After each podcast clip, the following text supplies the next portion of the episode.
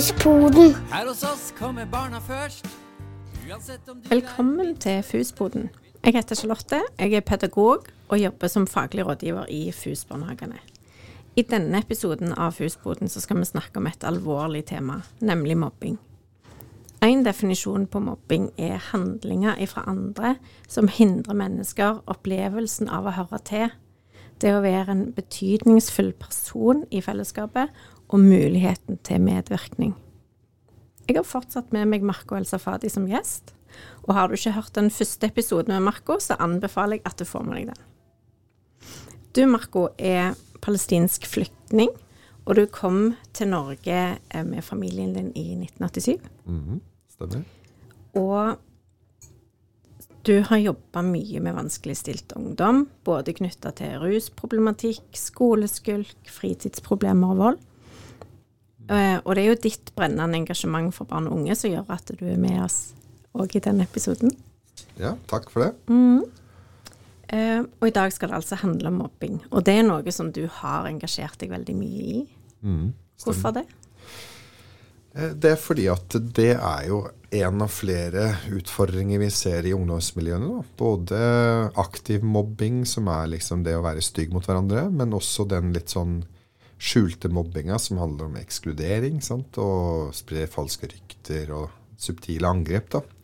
Og alt dette som foregår i sosiale medier, da, som er digital mobbing. Sant? Så det, dette er utfordringer som vi ser at veldig mange ungdom eh, belastes med og sliter med å håndtere. Og derfor så må jo vi melde ifra. Ikke sant? Vi må gjøre dette synlig og engasjere oss i temaet, sånn at flere voksne, og også ungdom, men, også, men voksne, eh, melder seg på og kan veilede ungdommer eh, til å liksom forstå alvoret rundt det. da. Og det er jo en kjensgjerning at ungdomshjernen ikke er ferdigutvikla, så du forstår jo ikke hvor store konsekvensene blir for det mennesket du mobber i ungdomsskolen f.eks., eller på mellomtrinnet i barneskolen. Fordi det, ja, det er ikke, du er ikke i stand til å se langt fram i tid. Men 20 år seinere, når du sitter på den klassefesten, så kjenner du jo fortsatt på dårlig samvittighet. ikke sant? Fordi at den personen kanskje sliter eller ikke er der. Og så skal du leve med det. da. Så det å liksom melde seg på og minne om at uh, det, er for, det er lov å liksom endre strategi, og oppførsel. Da. Men da trenger du veiledning. ikke sant? Du trenger at noen gir beskjed. Og jeg tror jeg hadde vært uh, i stand til å lære mye mer om dette. Hadde noen tatt seg tid til å forklare det. Men vi fikk det jo ikke forklart. Det var ikke så mye snakking om det.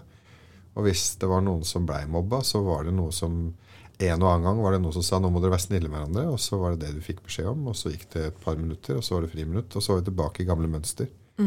Det var liksom ikke så mye endring å spore, da. For det var ingen som fulgte opp tettere. Så det savner jeg litt, at vi voksne må bli flinkere til å adressere dette. For det er et, et viktig tema. Et vanskelig, men viktig tema. Og jeg tror mange ikke har kompetanse nok på hvordan gå inn i en mobbesituasjon og hjelpe til med å løse den på en klok måte. Ja, det tror jeg du har helt rett i. Mm. Og mobbing er jo ofte et ord som forbindes med barn i skolealder, og det har jo sånn prosentvis Mobbestatistikken lå på sånn 6 Eh, Men for barnehager så viser forskning både nasjonalt i Norge og internasjonalt eh, tall som ligger mellom 6 og 20 mm. Alt etter hva hva for en definisjon og hvordan en måler mobbing. Så det er jo noe som faktisk foregår bl- eh, blant de mindre ungene òg. Ja, det, det ser vi jo. Og, og det å ikke føle at en blir inkludert i et fellesskap, er jo dypt alvorlig for både barn og, og unge, og for så vidt voksne. Eh, og for det unger er opptatt av, er å få være med å leke, og ting som kanskje kan virke små eller ubetydelige for oss voksne, kan bety veldig mye for unger. Det å ikke få være med i leken, eller ikke bli invitert i bursdagsselskap, eller um, Ja, det er en smerte man husker. Ja, det er det. Det setter seg. Ja. Og du snakker jo mye om hvordan vi som voksne best kan møte barns følelser. Ehm, og hvordan tenker du at ja, foreldre eller ansatte, altså viktige voksne rundt barn, kan møte de vanskelige følelsene som oppstår når mobbing skjer? Ja, ja, før vi går inn på selve mobbesituasjonen Det du spør om nå, er jo viktig, og det er at foreldre, helt uavhengig av mobbing, evner å møte barns følelser. Det som er klassisk eh, fella vi går i som voksne, det er mange feller vi går i, men en av de store fellene er at vi på et eller annet vis har lyst til å hjelpe barn ut av ubehaget raskest mulig. Og derfor så prøver vi febrilsk å leite etter en desperat løsning på dette dilemmaet med de vanskelige følelsene. Det være seg at man distraherer, at man liksom avviser, at man kanskje um, uh, skal si, minimere Altså prøver å gjøre det mindre. Det er kanskje ikke så alvorlig som du sier. Uh, noen går så langt som å begynne å gjøre narr av barna for at de skal slutte å ha det sånn. Det er så mange ting vi gjør for å få vekk det ubehaget da, som disse følelsene også påfører meg som forelder, istedenfor å gjøre det som er uh, nettopp det barn trenger, å tåle den følelsen. Å være med inn i følelsen, med å være nysgjerrig, med å spørre hvorfor har du det sånn, hva tror du det kommer av? Fortell meg mer. Og så prøve å virkelig opp, oppriktig være litt sånn detektiv og finne ut hvor kommer dette fra, hvorfor er det her? Oi. Og hvordan, hvordan håndterer du det? Hvordan lære barn rett og slett å finne strategier for å tåle seg selv i de ubehagelige følelsene, lene seg på en måte inn i den vanskelige, ubehagelige følelsen. Og jeg kaller det en, en vanskelig følelse av en grunn, og ikke en dårlig følelse. For det, det er jo fort gjort å misforstå når man kaller det dårlige følelser. Det fins ingen dårlige følelser. Det fins ubehagelige og vanskelige følelser. Og de eh, må vi rett og slett bli bedre kjent med. Og jo mer du kjenner en vanskelig følelse, jo mindre vanskelig blir den. Så det er jo noe med å liksom lære seg at det er ikke farlig å være redd. Det er ikke farlig å ha det ubehagelig. Det er ikke farlig å være sint. Det er heller ikke farlig å være trist. Men det er følelser som kommer, og som vi rett og slett må tåle. Og vi må bli med barna inn i det og vise en genuin interesse. Og gjør vi det, så vil det i seg selv være med å regulere barna ut av de vanskelige følelsene. Det er jo det som er veien ut. Og ikke at vi skyver de under teppet og later som de ikke er der. Men at vi rett og slett uh, gir dem den oppmerksomheten de ber om. Uh, og så vil jo de avta, fordi at uh, det kommer alltid en ny følelse. Eh, en følelse kommer og går, og de endrer seg. Og de, de kommer noen ganger i større uttrykk enn og andre ganger mindre. Men det er liksom Jeg beskriver det som bølger. Noen er større enn andre, og noen er mindre enn andre. Men de vil alle på en måte skylle i land, og så kommer det en ny bak. Og sånn er det med alle følelser.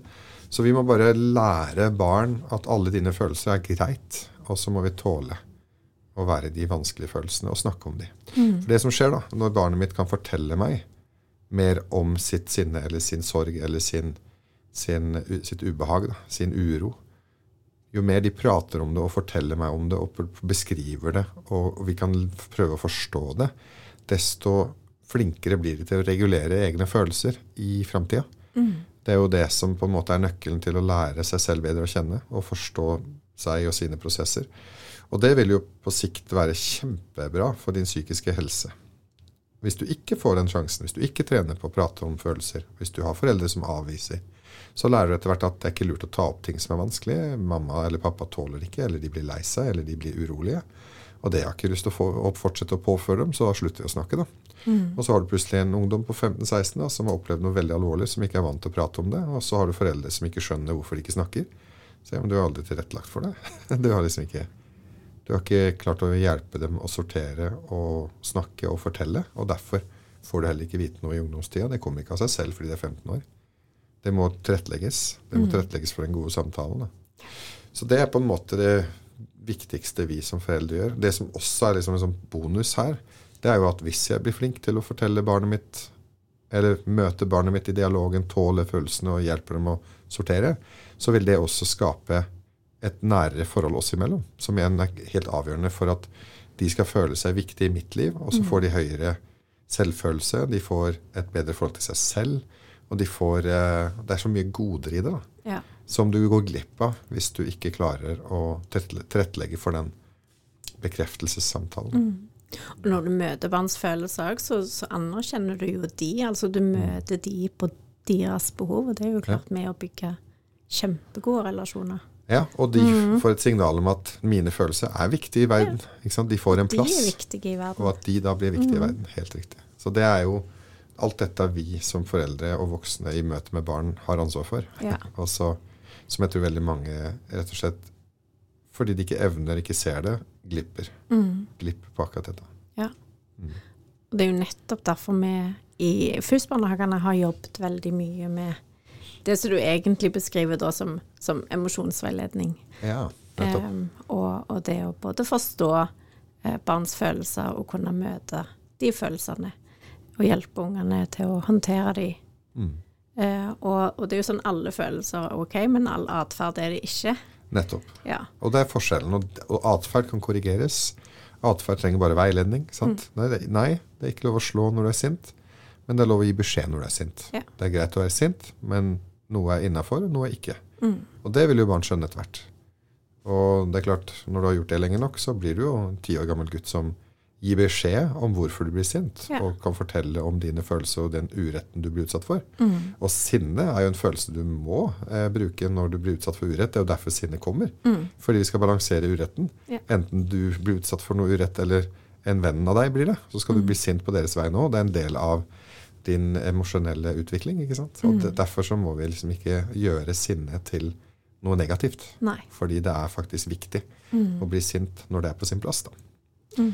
Så du må liksom ikke viske ut dine egne følelser. Nei. Og hvis du sånn helt konkret, og hva kan foreldrene gjøre for å møte de følelsene? Da, rett og slett trene på den bekreftelsessamtalen. Eh, og, det kan, og da kan man liksom gjøre det punktvis. da. Det første du skal gjøre hvis et barn kommer med en ubehagelig, vanskelig følelse, det er å bekrefte den følelsen. Selv om du er uenig, selv om du tror det er faktafeil her, selv om du tenker at barnet har misforstått noe og blitt lei seg uten grunn, så skal du ikke falle for den fristelsen og si nei, nei, nei, du må ikke føle det. fordi det? Altså, Du må rett og slett bare si å ja, det er ikke rart du føler sånn. mm. Å ja, det er ikke rart du har det sånn. Og rett og slett normalisere følelsen før du seinere kan jobbe med den faktafeilen. Mm. Det kan vi komme tilbake til, men du må ikke gjøre det først. Så hvis min sønn eh, kommer med f.eks. et utbrudd når han har sett noe skummelt på YouTube Oi, den der var skummel. Og jeg ser at denne vampyren han nettopp fikk øye på, er en mann som har kledd seg ut og sminka seg med blod i ansiktet. Så kan jeg jo på refleks si Nei, men slapp av, kompis. Han er bare, han bare kledd seg ut. Det er jo ikke det ekte, det er ikke det ekte vampyret der. Vampyrer fins jo ikke. Sant? Da sier jeg til sønnen min at det du føler, er feil. Eh, og jeg forteller deg fasiten. Det lærer han jo ingenting av. Da lærer han ikke å forholde seg til egne følelser. Han får bare beskjed om at pappa fortalte meg nettopp at det jeg føler er feil. Og det skaper jo ikke tillit. Så den fella går jo alle foreldre i fordi vi har så lyst til at han skal skjønne at det er ikke noe er ikke noe å være redd for. Og det ubehaget vil vi avslutte nå, ikke sant? istedenfor å benytte anledningen da, når han først har vært i kontakt med denne ubehagelige følelsen av å være redd. Så benytt anledningen til å bli kjent med hva det betyr, da, og hvordan det føles i kroppen. Så spørre Noah istedenfor med Oi, hva var det du syntes var skummelt? Så kan han jo fortelle det. da. Ja, men han har jo blod i ansiktet. Det er jo kjempeskummelt. Å ja. ja. Men det er ikke rart du blir redd da. Hadde, hadde jeg sett noen med blod i ansiktet, hadde jeg også blitt redd. Så jeg skjønner godt at du syns det var skummelt. Fortell meg åssen det føltes da. Hvor, hvor kom følelsen fra? Kan du huske, kan du kjenne i kroppen din nå hvordan, hvordan det føles? Nei, det var sånn ekkel følelse i magen, eller, eller sant, jeg fikk vondt i halsen, eller Det kommer jo symptomer. Og ved å snakke om de symptomene, så er vi inne og kall det velter oss i den vanskelige følelsen for å bli enda bedre kjent med den. Det er jo det de trenger. Men det er ikke refleksen til oss foreldre, fordi vi tenker at det er best å avslutte. Ja. Og da lærer de jo ingenting. La oss heller lære hvordan han skal forholde seg til frykten neste gang den kommer. Nettopp pga. denne vampyren da, som skremte han. Og så kan vi gå videre. Etter å ha liksom bekrefta og lært litt og vært nysgjerrig, så kan vi se etter løsninger. Da kan vi få si Men Noah, eh, hvilken periode er vi i? Har du hørt om halloween? Husker du halloween? Ja. Ja, hva gjør man i halloween? Nei, da kler vi oss ut. Ok. Tror du at han kanskje har kledd seg ut, eller tror du at det var en ekte vampyr? Hva tror du? Fins det ekte vampyrer? Nei, gjør kanskje ikke det. Nei, skal vi spole litt tilbake da og se en gang til? Nei, det er altfor skummelt. Sånn. Jo, jo, men jeg er jo her, jeg. Jeg passer på deg. Det er ikke farlig. Det er ikke farlig at vi blir litt redde. Det tåler vi. Vi spoler tilbake. Så kan vi se er det ekte blod, eller kan det hende at det er sminka. Og så kan vi zoome inn og så kan vi eksponere han for det han er redd for. Og da vil han jo kanskje avdekke at det var jo bare sminke. da. Det var veldig godt sminka. da. Ikke rart du ble redd. Så jeg hadde sikkert blitt det, jeg òg. Men dette er sminke. Hva tenker du nå? Nei, da var det ikke så skummelt lenger. Sant? Og sånn kan han jobbe seg ut av frykten og regulere han gjennom å bruke god tid. Men da skal du ta deg tid til det. da. Og så har vi brukt det eksempelet som et levende eksempel. Neste gang han kommer opp i en lignende situasjon, så kan vi henge det på den knaggen. Husker du den vampyren som hadde sminka seg, som du ble redd for da? Husker du åssen vi løste det? Og så kan vi prøve, prøve det en gang til i den rekkefølgen. Og sånn vil jo sønnen min utvikle kompetanse om å håndtere sin egen frykt. Eh, men hvis man liksom hva skal jeg si, gjør narr av barn, det er jo fort gjort å gjøre. Hvis et barn f.eks. ikke vil være med på berg-og-dal-banen, og så sier de ja, men se, lillesøster tør, din feiging, kom igjen, da. Og så drar du med den tiåringen inn på en berg-og-dal-bane han egentlig er redd for, og så blir han eksponert for frykt i tre minutter. Og så går han av og får en lettelsesfølelse av å gå av. Så har han bare fått enda mer panikk for denne berg-og-dal-banen neste gang. Da har du liksom ikke blitt eksponert på en sunn måte. Du ble tvunget inn i en situasjon der du egentlig var redd. Så det å eksponere barn på en trygg og riktig måte er jo et avgjørende for at de bearbeider frykten, kontra at den blir forsterka. Så ja. Det er jo dette kunststykket som vi som foreldre må øve på da, og lære. Men så hvis vi tar tilbake til mobbing, da.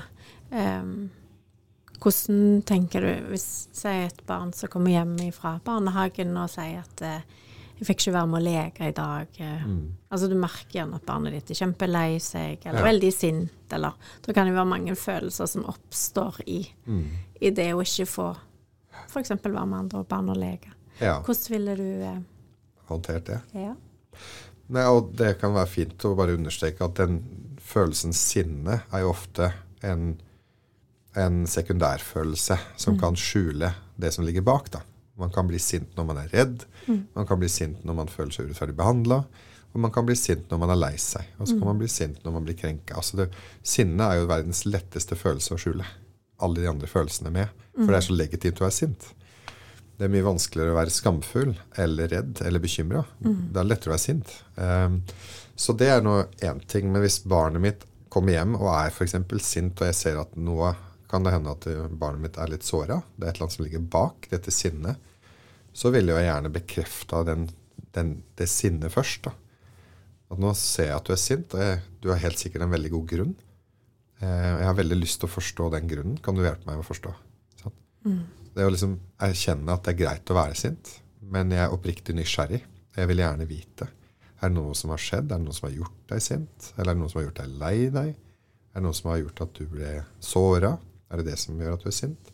Det å liksom spørre og grave og være nysgjerrig da, vil jo føre til at de på et punkt kanskje begynner å svare, selv om de kanskje i starten ikke hadde lyst til å prate om det, fordi det er ubehagelig.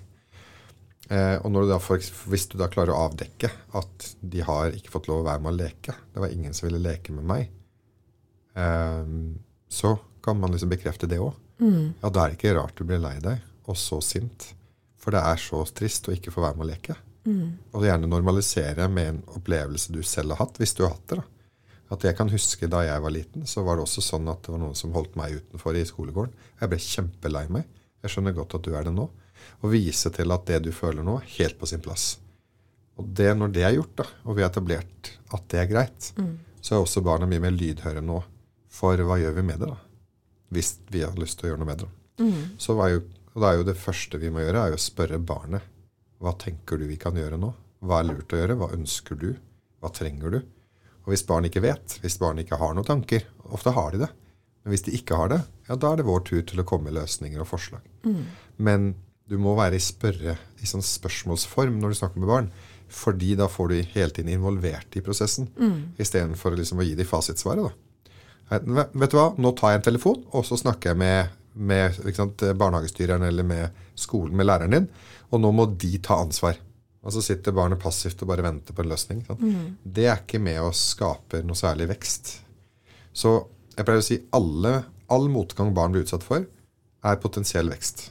Det er potensielle muligheter for å vokse og lære. Så hvis barnet ditt har blitt utsatt for noe vondt, ja, det er kjipt, men det er også en mulighet for at barnet ditt lærer noe mer om seg selv og livet og, og denne prosessen. Da. Og da må de melde seg på. Og gjerne, om ikke de har forslag til løsninger, være med å eie løsninga vi kommer fram til. Hva tenker du vi skal gjøre nå?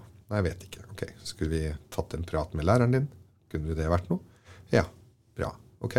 Vil du være med på den praten, eller vil du at jeg skal gjøre det på telefon mens du hører på? Hvordan vil du at vi skal ta det opp med læreren?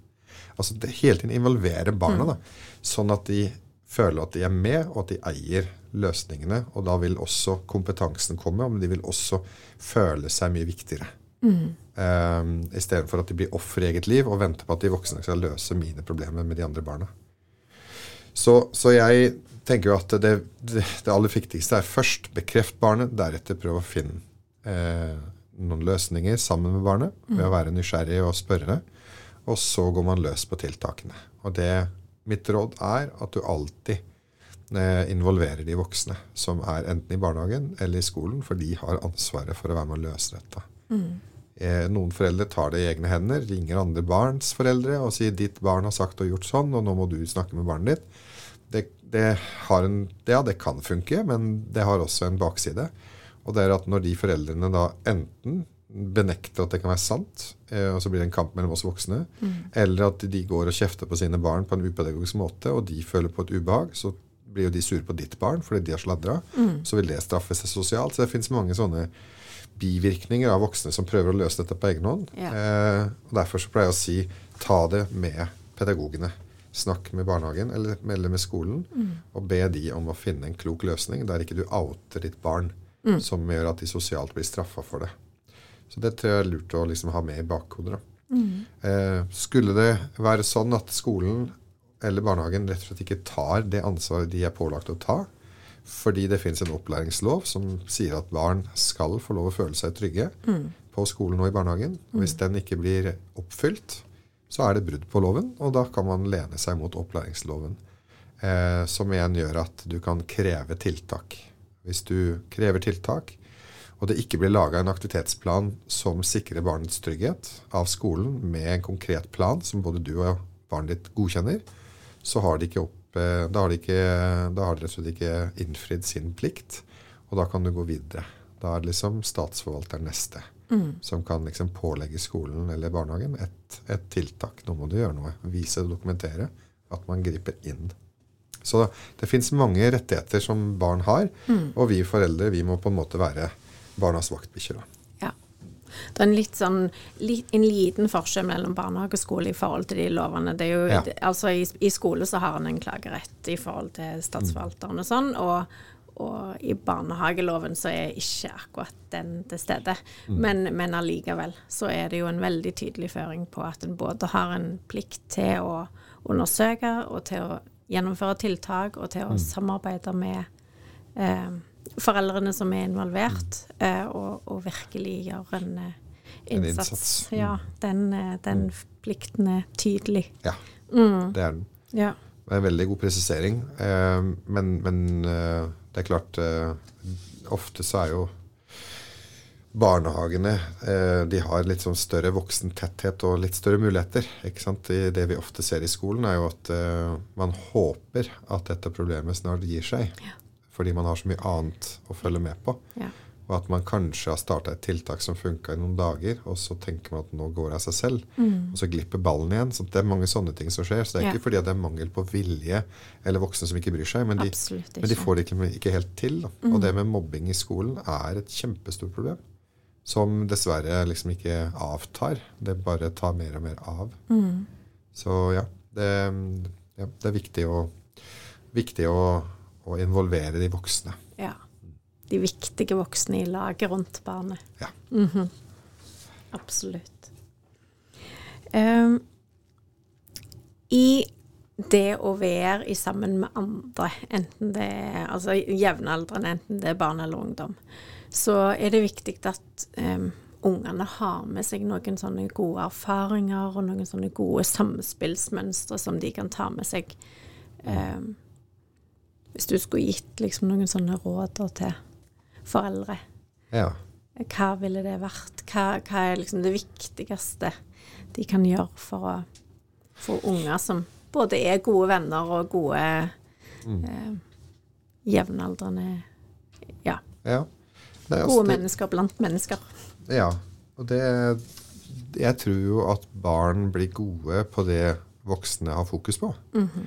Så det er jo litt sånn opp til oss voksne å spørre oss sjøl hvilke spørsmål er vi opptatt av å stille barna våre? Hvor, vi, hvor legger vi inn fokuset vårt? Hvor legger vi inn trykket? Og det er klart, hvis du blir stilt eh, gode, kloke spørsmål knytta til hva fint har du gjort for andre på skolen i dag? Eller hva fint har du gjort i barnehagen for andre i dag? Eh, har, du, har noen gjort noe fint for deg? Har noen sagt noe fint til deg? Å få barna til å snakke om disse tingene for å reflektere over hvordan de oppfører seg mot andre, hvordan andre oppfører seg mot dem, mm. sånn at de har mer og mer blikket på det, så tror jeg jo man blir bedre og bedre på òg. Mm. Mens hvis du alltid blir spurt 'Hva lærte du på skolen?' eller bare 'Hvordan gikk det?' 'Har du mm. hatt en fin dag?' Så blir det sånn Ok, mine foreldre er opptatt av at jeg skal ha en fin dag. da, Og hvis jeg har hatt en dårlig dag, så må jeg bare late som det var en fin dag. Altså, Hva, hva er forventningen? Mm. Så de forventningene som er uuttalte, de ligger der i spørsmålsformen, som vi som foreldre må være oppmerksomme på. Så Derfor er jeg veldig oppmerksom på hva spør jeg om. da. Så jeg spør jo min, jeg spør jo min sønn eh, hvor mange blimer har det blitt i dag. Vi kaller det jo blimer fordi det er liksom et verb. Da. Mm. Og da vil jo han fortelle meg om alt av inkluderende tiltak han har sett andre har gjort, og andre har utsatt han for, mm. og som han sjøl har initiert. da. Og da snakker vi om inkludering hele tiden, og da mm. blir jo det viktig for han. Fordi det er viktig for meg. Og dette er jo det vi må som foreldre liksom ta inn over oss, at vi, og som lærere og barnehagelærere, det vi stadig spør om, det vi fokuserer på, blir det mer av i barns liv. Mm. Fordi hjernen til et barn tunes inn på det vi tuner dem inn på. Ja. Så derfor så er det lurt å tenke gjennom hva er det jeg snakker med barnet mitt om jevnt og trutt. Mm. Det blir viktig i barnet mitt sitt liv. Ja. Mm. Mm. Så hvis du som fotballtrener alltid belønner og berømmer han som skårer mål, så vil du kanskje se at flere vil skyte istedenfor å sentre, for de er opptatt av å bli han som skårer mål. Mm. Mens hvis du aktivt og hardt belønner laget ditt for at de jobber knallhardt, og at de er flinke til å heie på hverandre, og at de alltid backer hverandre hvis de bommer, mm. og at de er gode lagspillere, for det er det det handler om. Hvis du ja. klarer å ha fokus på det som trener, så vil du jo se et lag som blir sinnssykt gode til å jobbe sammen. Mm. Men, men, alt avhenger av fokus. ja. Så hva spør jeg om som forelder, hva spør jeg om som trener, hva spør jeg om som lærer? Hva er jeg opptatt av? Og derfor så er jeg liksom savner jeg da, at uh, alle lærerne i at alle lærerne i norsk skole enes om ett eller to konkrete, kloke spørsmål vi alle spør alle elevene om mm. rett før storefri. Ja. På vei ut i skolegården. Hva, hvilket spørsmål tuner de inn på det vi vil at de skal ha mer fokus på? Mm. Hvis man hadde spurt eh, hva fint kommer du til å gjøre for andre? Hvordan vil du inkludere noen i dag? Pass på at ingen går alene.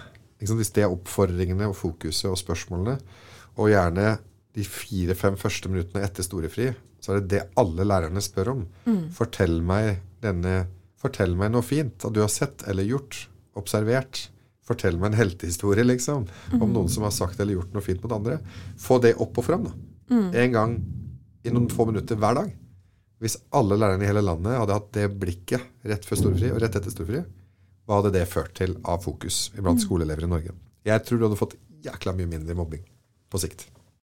Tusen takk, Marco Elsafati, for eh, to fantastiske timer sammen med deg. Det har vært utrolig lærerikt og inspirerende å høre på, på dine ja, kloke refleksjoner rundt eh, hva vi som voksne, viktige voksne rundt barn, skal gjøre for å bygge gode samfunn det, som er preget av inkludering, og inkludere av at vi gjør hverandre gode, rett og slett, som mennesker. Mm. Ja, takk for veldig, veldig hyggelig prat. Det er kjekt å prate med deg, Charlotte. Likeså. Det er en fin podkast du har laga. Ja. takk.